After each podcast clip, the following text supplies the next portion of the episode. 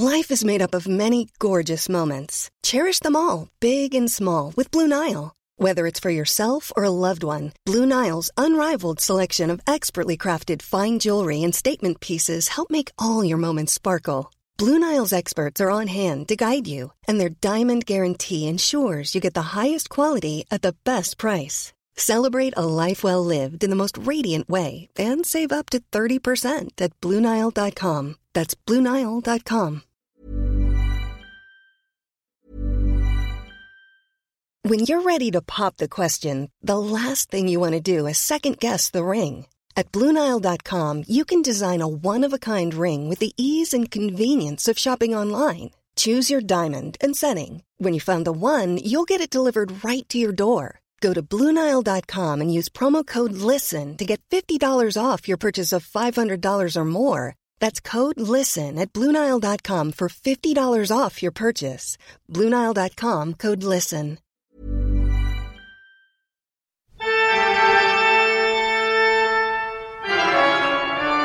Da har Stine kommet inn i studio her for første gang i Oslo på mange måneder. Og det var en god start, kan vi godt si.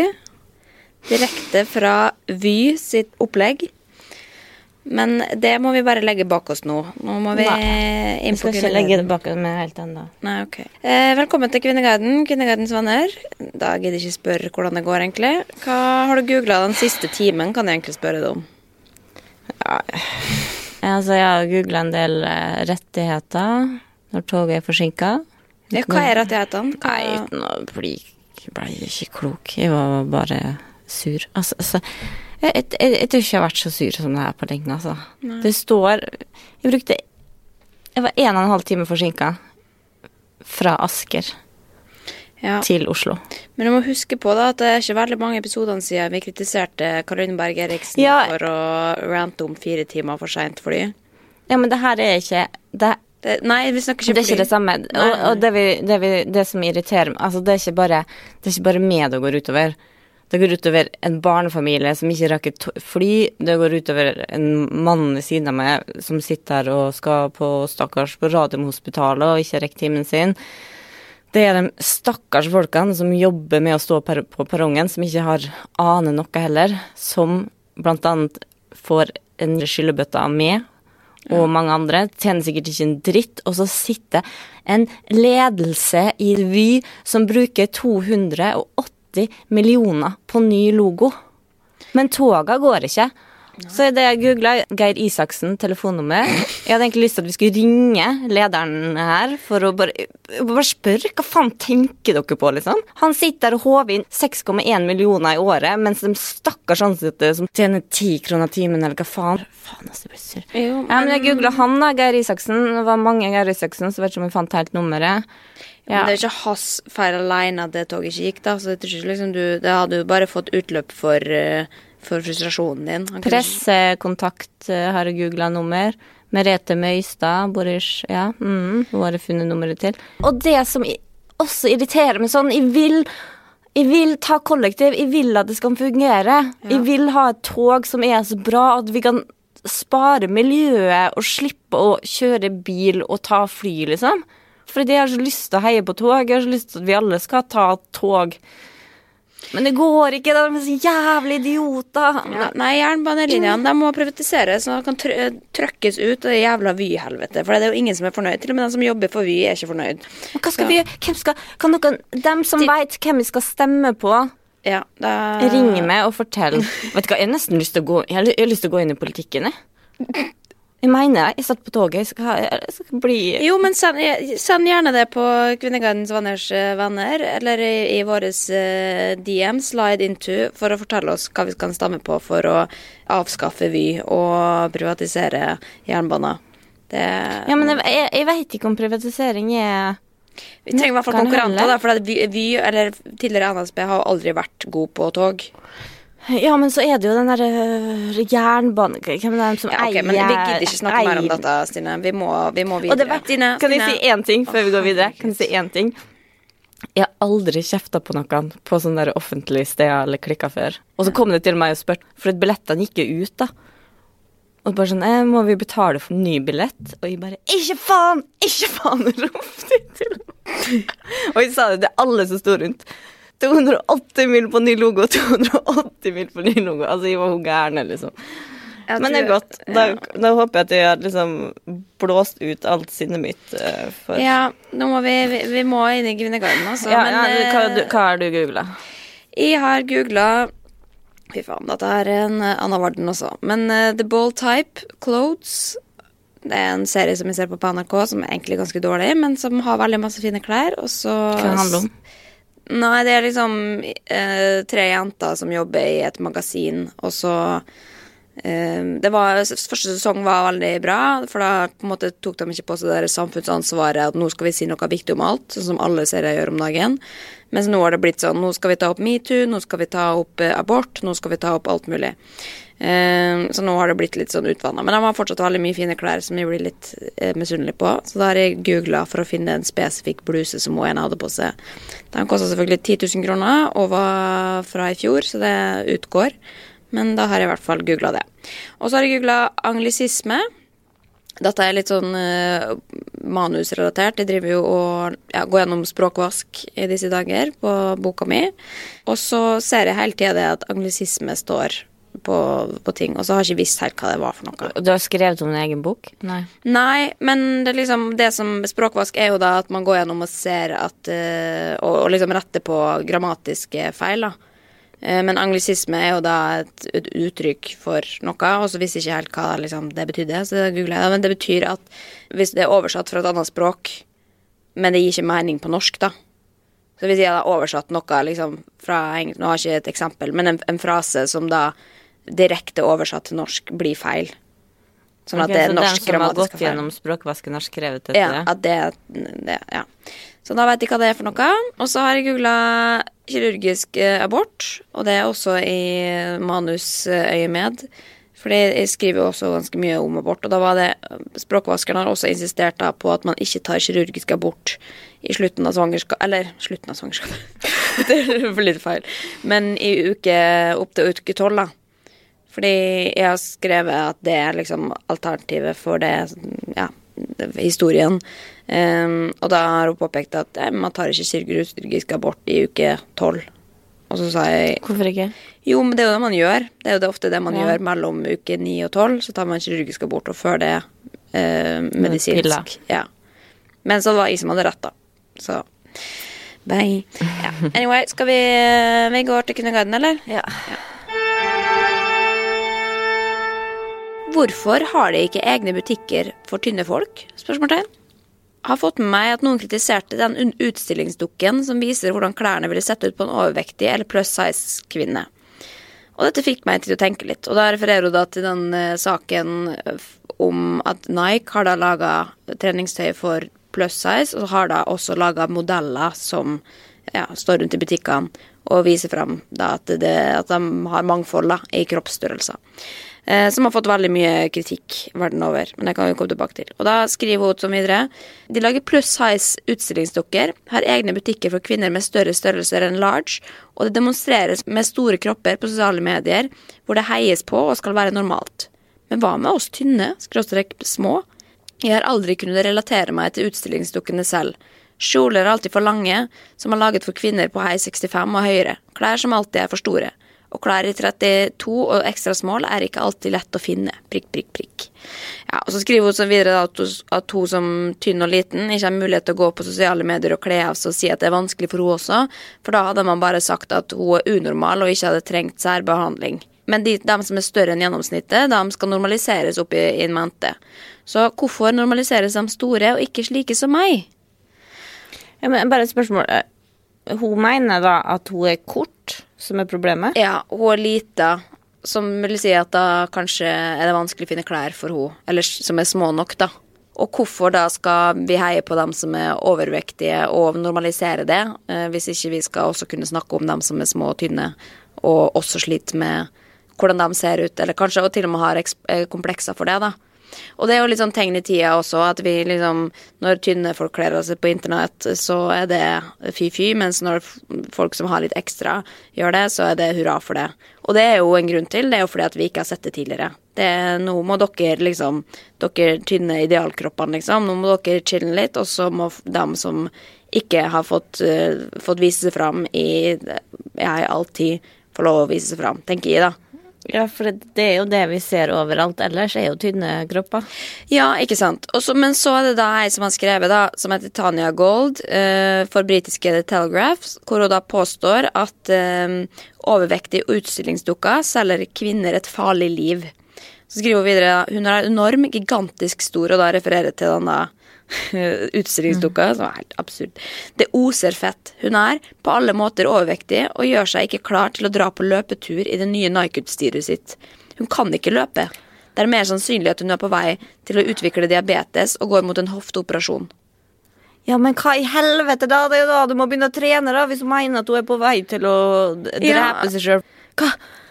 Det er jo det som er problemet når folk går inn i Om det er på treningsstudio også, at man er omringa av bare vanlige normalvektige, og så, så føler man seg uglesett av nettopp sånne som fuckings Tanya Gold, liksom. Men jeg kjente at jeg hissa meg veldig opp, men så tenker jeg, vet du hva, jeg gidder ikke å hisse meg opp, for at hun motsier seg sjøl i det hun skriver. Ja, ikke sant? Hvis, vi, hvis hun mener da at det er så helsefarlig å være den størrelsen som den utstillingsdukka er, så må vi jo heie på det, for da selger de treningsklær. Hva skal man bruke treningsklær til? Å dra og trene. Ja, og skal man bare ha tynne, tynne modelldukker, liksom? Det er noen som også skriver da på, på Kvinneguiden her som svar at sju av ti er overvektige, og da er det jo veldig rart at bare det skal være tynne utstillingsdukker i butikkene. Selvfølgelig, det er jo ikke positivt at eh, så stor del av verdens befolkning er overvektig, men, men vi må jo likevel liksom da omfavne det, og ikke bare liksom presse på at alle skal være på en viss måte. Men kunne ikke utstillingsdokkene vært som en sånn gjennomsnittskropp, da? Ja. Kan vi ikke lage dem etter en gjennomsnittskropp? Men det er jo det, også det som er med klær da, eh, generelt, er at alle syns det er vanskelig å finne klær som passer til kroppen sin. Det er fordi det, det fins ingen mal for hvordan en kropp skal være. Eh, Sjøl om vi kanskje i utgangspunktet bruker samme klesstørrelse, så har jeg f.eks. ikke pupper, som vil si at er det noen klær som ikke passer på meg, som ville passa på det. Eller motsatt. Altså alle, altså alle kropper er litt annerledes, og derfor fins det ingen som passer til alle som er small, eller alle som er medium. Man må gå og prøve ti bukser når du går i butikken, liksom, uavhengig om du er ekstra small eller ekstra, ekstra, ekstra large. Så det å liksom kritisere liksom størrelsesmalene er liksom litt meningsløst, spør du meg, da.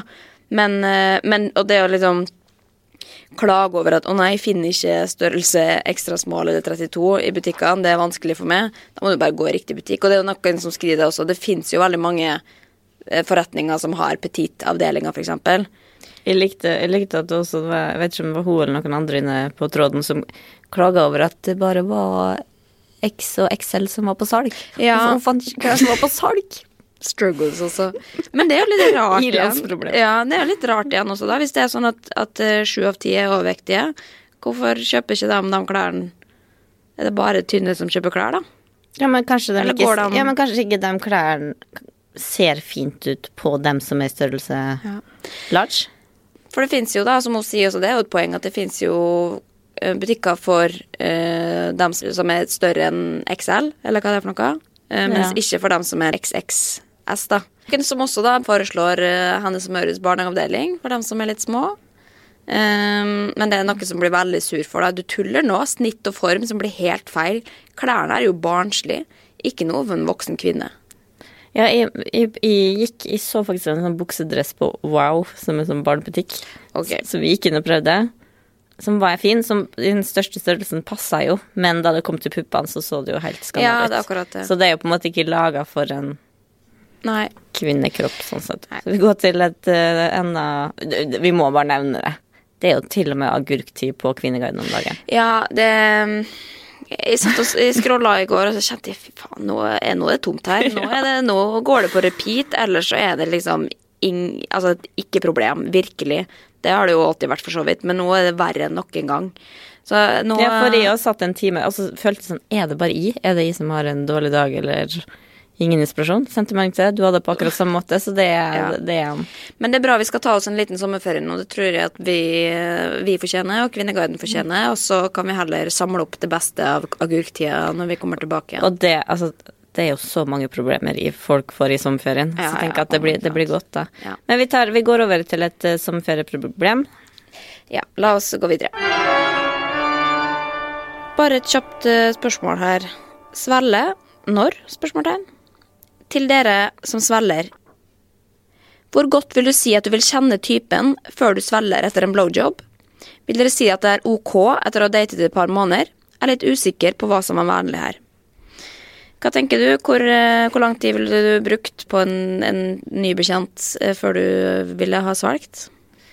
Nå snakker vi om sæd her også. Ja, Ja. men eh, det er jo Nei, nå tenkte jeg kanskje mer på kondom.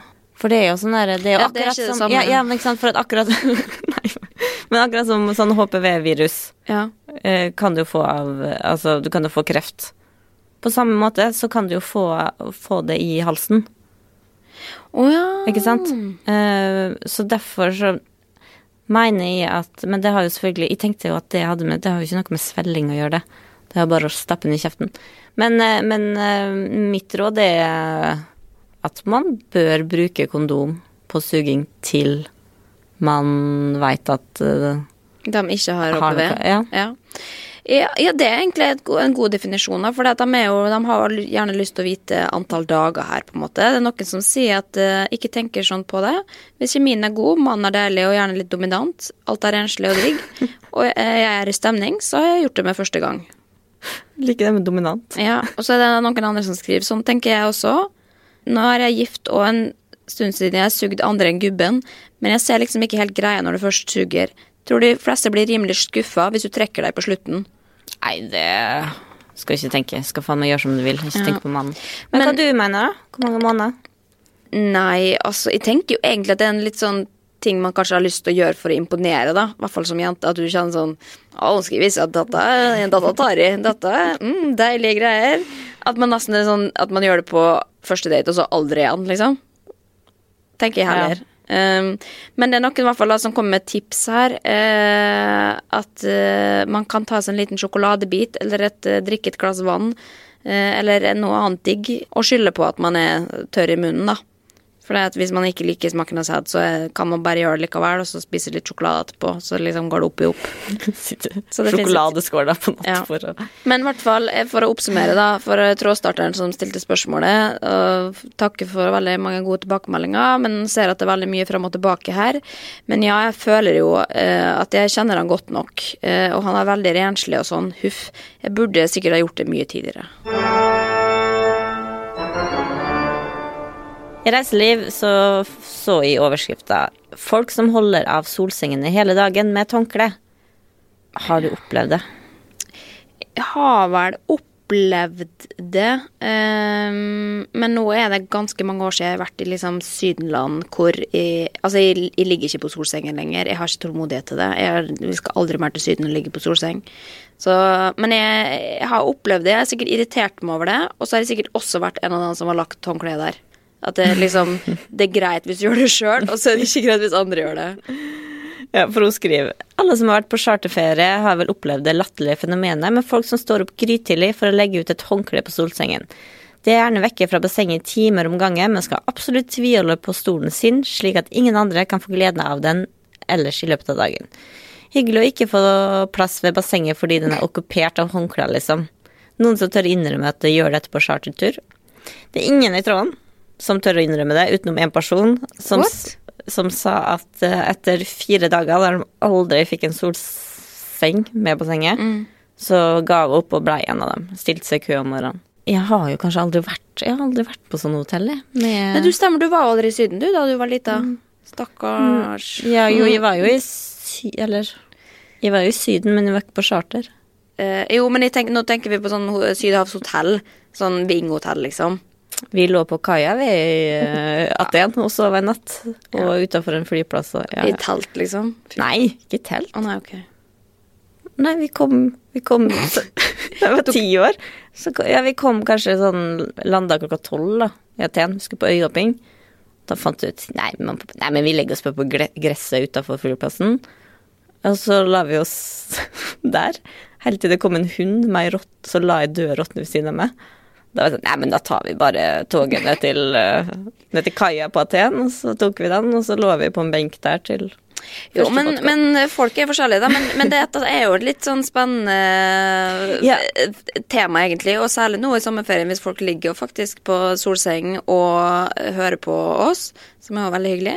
Men um, Og så må man da reflektere over hmm, hva er den som sto opp nå klokka halv sju i dag tidlig for å kaste eh, Justin Bieber-håndkleet mitt eh, over den solsenga? I tilfelle syns vi at de bør skamme seg.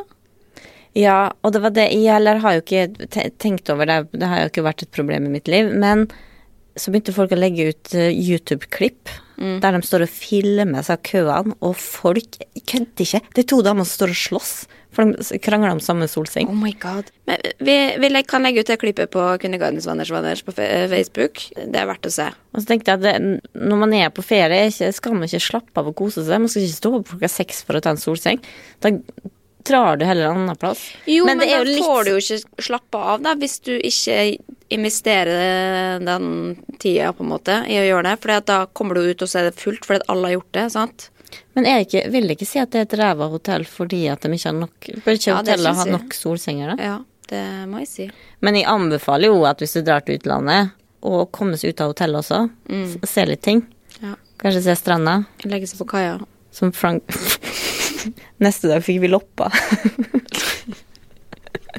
Vet du hva, de ferien mine jeg har med Det har vært ymse, men det har jo alltid vært gøy, og jeg har mye bedre historie enn om skal sitte der og sagt sånn ja, nei, hver ferie. Så endte med at mamma sto og sloss med en annen dame om ei solseng, liksom. Det er jo mye tristere, det, da. Jeg tror jeg aldri har opplevd slåssing, men jeg har ligget nok timer i mitt liv på solseng og drukket milkshake etter milkshake. Å, du levde det livet jeg hadde lyst til å leve som barn. Ja, men eh, jeg er meg ferdig med det, da, kan du si. Det er litt gøy at du sier at du aldri mer skal ligge på, dra til Syden og ligge på solseng, da det eneste jeg har lyst til, er bare å ligge i fred på ei solseng og lese en bok. Vi er Ja. så forskjellige steder i livet nå, men, ja, det er noe, noe må det. men jeg har faktisk vurdert å tenke, jeg tenkte sånn «Nei, Skulle vi bare dratt på sånn der Lollo og Bernie-hotell, da?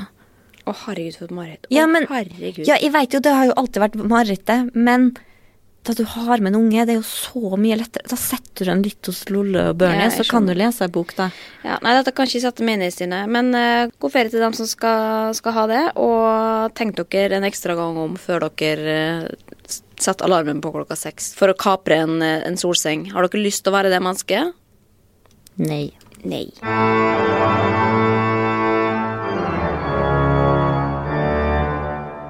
Jeg har funnet en tråd som jeg kjente meg litt igjen i, som jeg hadde lyst til å ta, bare for å snakke litt om det, for jeg har noen spørsmål til det.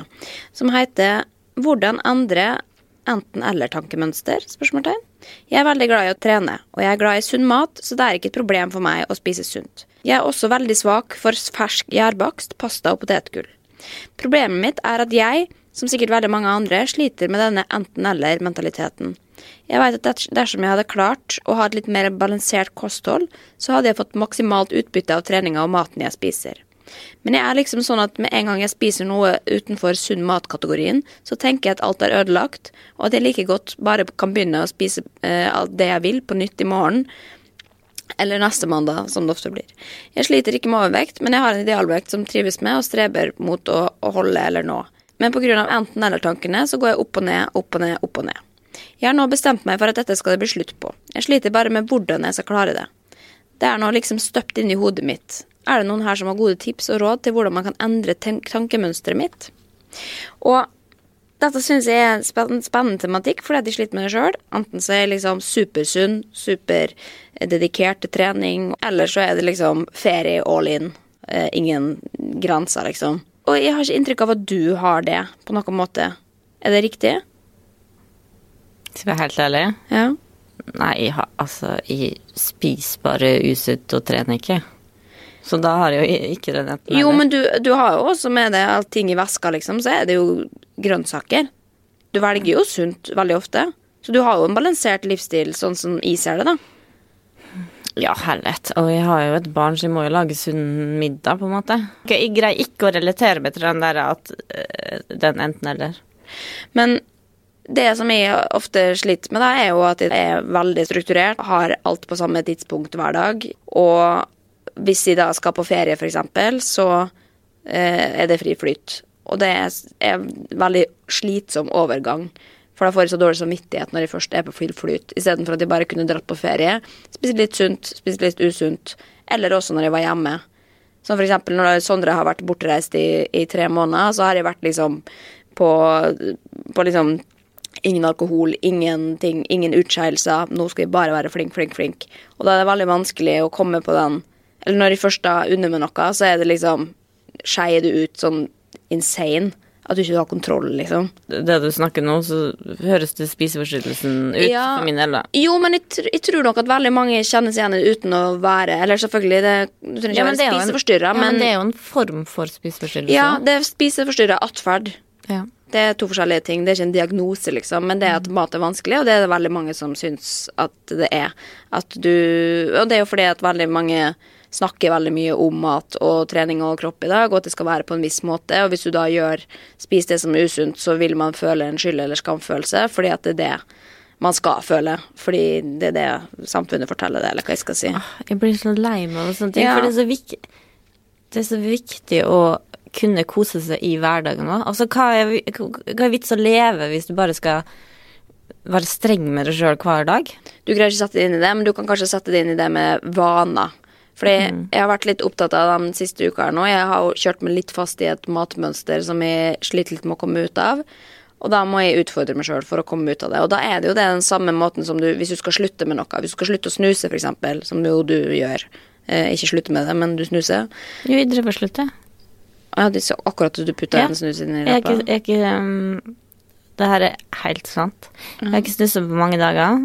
Okay. Helt til det fuckings vi. Ja, Jeg kjøpte meg snus på veien fordi at jeg, jeg, jeg altså, jeg greide ikke. Nei. Det var um, Det var for mye å takle. Da må du Ja, jo, men, men så er det dette her med, med å liksom endre en rutine eller en vane, da. Og jeg vet jo at for min egen del um, så har jo jeg da som sagt hatt et veldig sånn strengt regime for hver dag, uh, hvor jeg har egentlig følt at jeg har vært fleksibel, men samtidig så har jeg ikke vært det. Må jeg bare innrømme for meg sjøl. Så derfor har jeg prøvd å nå utfordre meg sjøl med å bytte på et måltid i løpet av dagen, eller i løpet av uka, da, bare for å begynne et sted, liksom. På samme måte som jeg også for noen år siden hadde lyst til å begynne med havregrøt til frokost. Det var en veldig stor eh, overgang i mitt liv, for det syntes jeg var veldig vanskelig, for jeg hadde heller lyst til å spise noe annet. Og det brukte jeg mange uker på hver eneste dag å venne meg til, og, og var lei meg hver dag jeg spiste frokost fordi at jeg ikke fikk det jeg egentlig ville ha. Men nå er jeg jo dritglad for det, for det var jo bare å endre den vanen. Eh, men da må du gjøre det nok ganger til at det føles naturlig. Ja, men vet du det her kan jeg kjenne meg kjempe igjen i. Bare at Ja. jeg er jo på den andre sida. At vi må endre til sunnere. Ja, du må slutte. Ok. En sunnere livsstil. Ja. Men så er det jo noen da som sier at jo, jo, men du må bare stå i det i liksom 21 dager, fordi det er den tida det tar å endre en vane. Har du hørt om det? Nei. Å nei, ok. Men det i hvert fall har vært en myte i veldig veldig mange år. Og så begynte jeg å søke litt på det. fordi at hvis det er sånn, da, hvis det er så enkelt, også for mitt hode som er litt spise... Eller litt ganske spiseforstyrra. Og da fant de følgende at den påstanden kommer altså fra 1960, hvor det var en plastisk kirurg som publiserte boka Psycho Cybernetics. Og i den boka så skrev da altså eh, denne doktoren da, at mennesker som hadde operert nesen eller amputert et lem, vanligvis brukte 21 dager i gjennomsnitt på å bli vant med endringer. Og han så også en egen sammenheng til egne vaneendringer i sitt eget liv, og basert på dette konkluderte han da altså med at mennesker ville bruke minst 21 dager på å venne seg til en hvilken som helst stor endring i livet, da. Og det er der den 21 dagers Det greia hørtes så kommer fra. veldig tynt grunnlag. Ja, det er drittynt.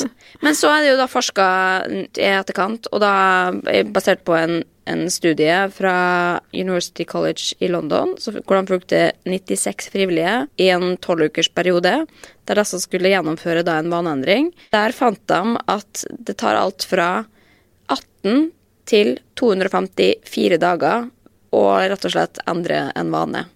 Um, så det er et gjennomsnitt på 66 dager, da. Så det er ikke bare å liksom Hvis ikke du har fått det til etter 21 dager, så Men. Men så er det jo også da Og hun stakkars har jo ikke fått noe svar. Um, det, det man sier hver gang man også har et nyttårsforsett. Uh, skal slutte med det, eller skal bli bedre på den og den måten. Um, og så fant de da liksom en sånn oversikt over de beste rådene for hvordan prøve å endre en vane. Så det er jo da å å gjøre det, og stå i det. Fortsette å holde ut. Og hvis du driter ut, hvis du tar den snusen eller den røyken eller det glasset med brus når du egentlig ikke skulle det, så betyr ikke det at alt er ødelagt eller over. Hvis du sklir litt ut, så er det lov å hentes inn igjen.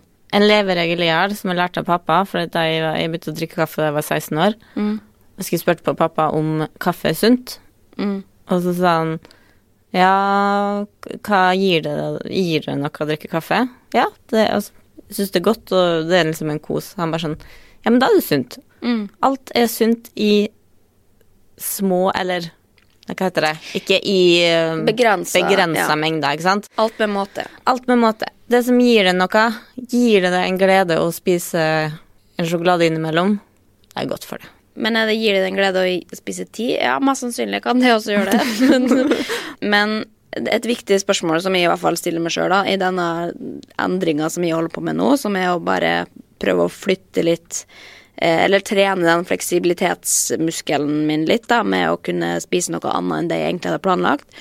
Så er det å minne seg sjøl på hvorfor har jeg lyst til å få til dette her? Hvorfor har jeg lyst til å endre det? Eh, hvorfor er det viktig? Hvorfor har du lyst? Fordi at det kommer til å gjøre at jeg føler meg friere. Da kan jeg gjøre ting som jeg har lyst til å gjøre, men som jeg ofte takker nei til fordi at jeg føler meg bundet til å fullføre et måltid eh, i en viss ramme. Det, for det er det som er hele problemet her, at ofte så takker jeg nei til ting som jeg har lyst til å være med på fordi at jeg, eh, jeg skal spise mat. og det er liksom det, er det jeg må flytte på, da. Å, å være fleksibel. Det betyr jo ikke at de trenger å være med på alt hele tida, men at de da i hvert fall føler at shit, her i kveld kan jeg gjøre noe annet enn det jeg pleier å gjøre, liksom. Eh, uten at det kjenner at det går på bekostning av noe veldig viktig i mitt liv, som er hva da? Et fuckings måltid, liksom. Jeg husker godt at da du var på en måte på ditt sjukeste, så fortalte du om det opplegget du kjørte. Og så husker jeg spurte deg Skjønner du hvor sjukt det er? Og så svarte du ja. Og det er det jeg skjønner, at hvor fælt det må være at når du er et oppegående menneske som skjønner at det her henger ikke på Ja. greip, men at du allikevel ikke greier å Nei, gjøre noe med det. da hadde jeg ikke kanskje lyst til å endre det heller, da. Og det er jo det som er sykdommen, at du må komme langt nok ut i sykdommen kanskje for å tørre å utfordre det. For det er jo det det handler om. Du kommer ikke noe videre hvis ikke du utfordrer, om det så gjelder dette, eller om det gjelder å eh, slutte med noe som du egentlig ikke har lyst til å holde på med. Da må du ta den utfordringa, for det kommer til å bli tøft. Det var vanskelig for meg også forrige uke når jeg plutselig da skulle eh, bytte ut det måltidet som jeg egentlig pleier å ha, med noe annet. Jeg, var, jeg hadde syntes det var dritkjipt hele dagen. Jeg grudde meg til det, liksom. Men det er jo bare første steg mot at det skal bli vanlig, da. Sånn som man har sett at det går an med ting før. Så det er jo bare nå vi må jobbe, og så kommer jeg til å være drittakknemlig for det om ja, når de får det til, da. Men om det er liksom om 18 dager eller 254 dager, det gjenstår å se. Og vet du hva jeg blir så glad over å tenke på? Er at altså, alle oppegående næringsfysiologer og dem som har peiling på det, sier jo at så lenge du spiser et variert og godt norsk vanlig kosthold, og det lover seg ut en gang iblant, du trenger ikke noe mer. Ja. Du trenger ikke sellerijus og alt den Oh, dritten God, folk holder på med. Tenk da, tenk så bra at vi som bare spiser vanlig og sunt, er vinnerne i samfunnet. Ok, jo, men jeg skal, jeg skal holde dere oppdatert i hvert fall på dette her. Og så får jeg, du får holde meg oppdatert også på hvordan det går med snu, sluttinga av snus. Men det ser ikke ut som at du har lyst til å slutte med det med det første, kanskje? Jo, når jeg har sendt taxiregninga til, uh, Til. Vy, Ja. så kan jeg gjøre det. Som vi snakka om, så satt jeg en time i går og leita etter tråder som kunne engasjere meg. Fant det ikke. Fant en tråd som eh, heller ikke engasjerte meg, men som vi tenkte Oi! Til og med det her blir diskutert på Kvinneguiden. Ja. Og det er aktivisering av hund som må holde seg i ro. Hunden min har skadet foten, han skal være mest mulig i ro, lufter han i hagen. Blir det jo kjedelig for han i lengden? Hvilke aktiviteter kan vi drive med ute inne som ikke krever mye fysisk aktivisering? Bør gå minst mulig.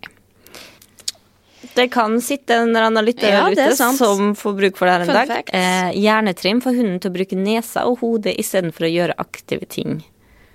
Og så spør hun hvordan da. Har holdt på med godbitsøk, hjernetrimleker hjernetrim leker osv., men blir litt traskig.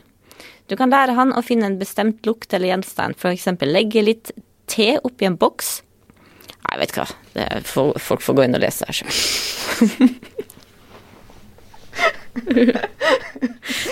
Bare se på ansiktet ditt sovne mens du leste.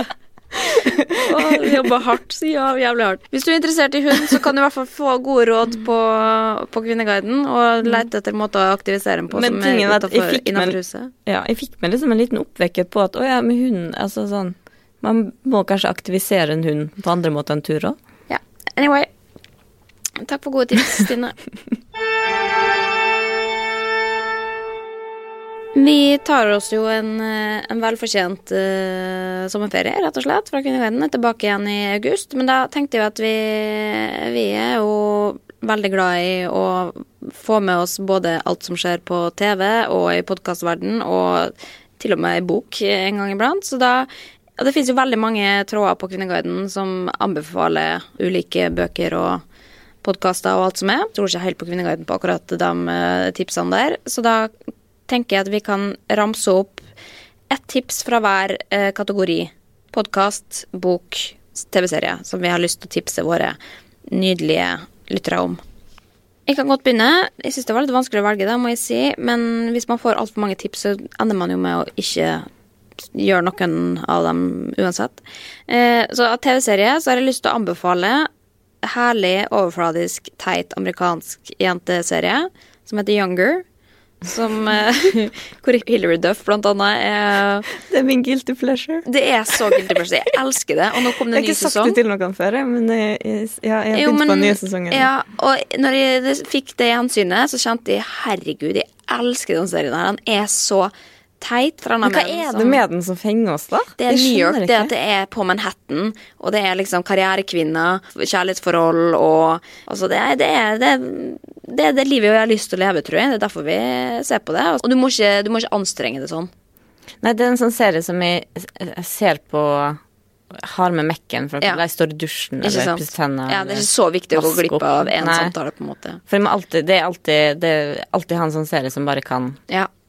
Så den anbefales. Den ligger på Sumo. Eh, og så vil jeg anbefale av podkaster har lyst til å anbefale én spesifikk episode for den som ikke har fått med seg den, eh, som gikk forrige uke på Lørdagsrådet. Det, den episoden hvor det var eh, psykologspesial med Ja, den har jeg begynt på. ja, Finn Skårderud, Peder Kjøs og Sissel Gran. Og det kunne jeg hatt fast eh, podkast med hver uke. Altså jeg skulle ønske at den var fast panel. Det syns jeg var en god idé. Å Ja. bare smelle til med alle tre i Ja, ja. episode. Den eh, ga meg veldig mye, altså. Og så bok.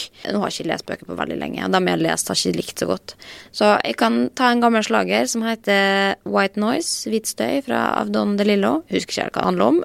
Det er ikke pga. at den var dårlig at de ikke husker hva den handla om, det er bare at de husker ikke hva noen bøker handler om.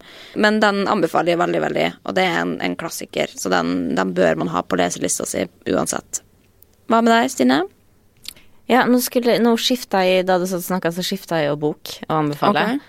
For det her er også en sånn der superbok å ligge på solsenga, som du endelig har fått å lese.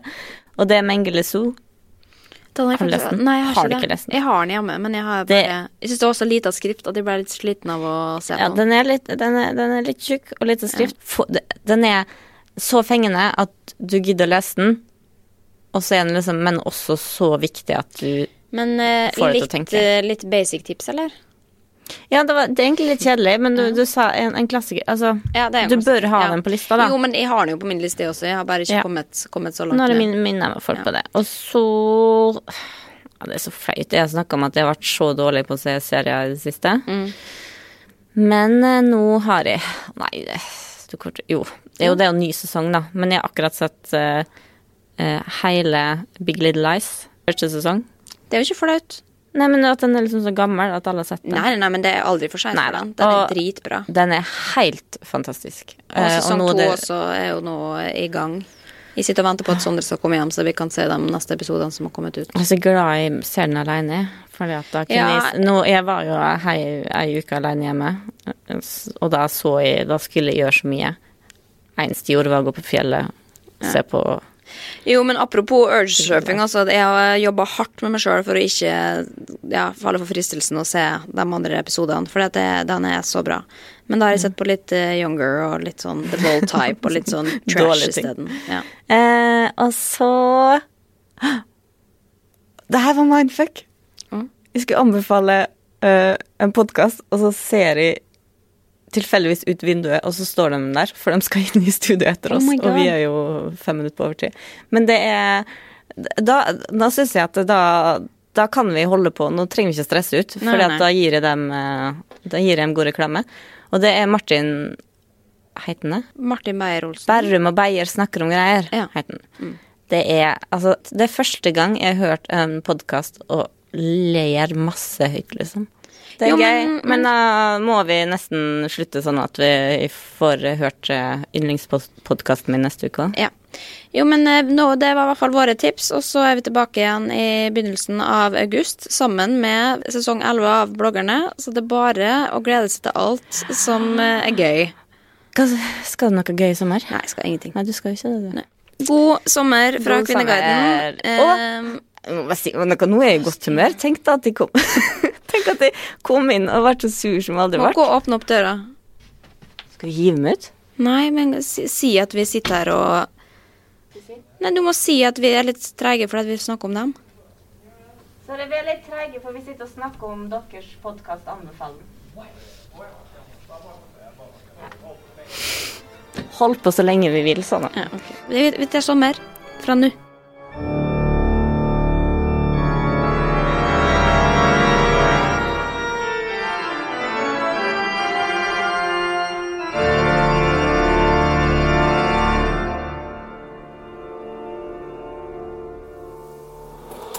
Produsert av Rubicon.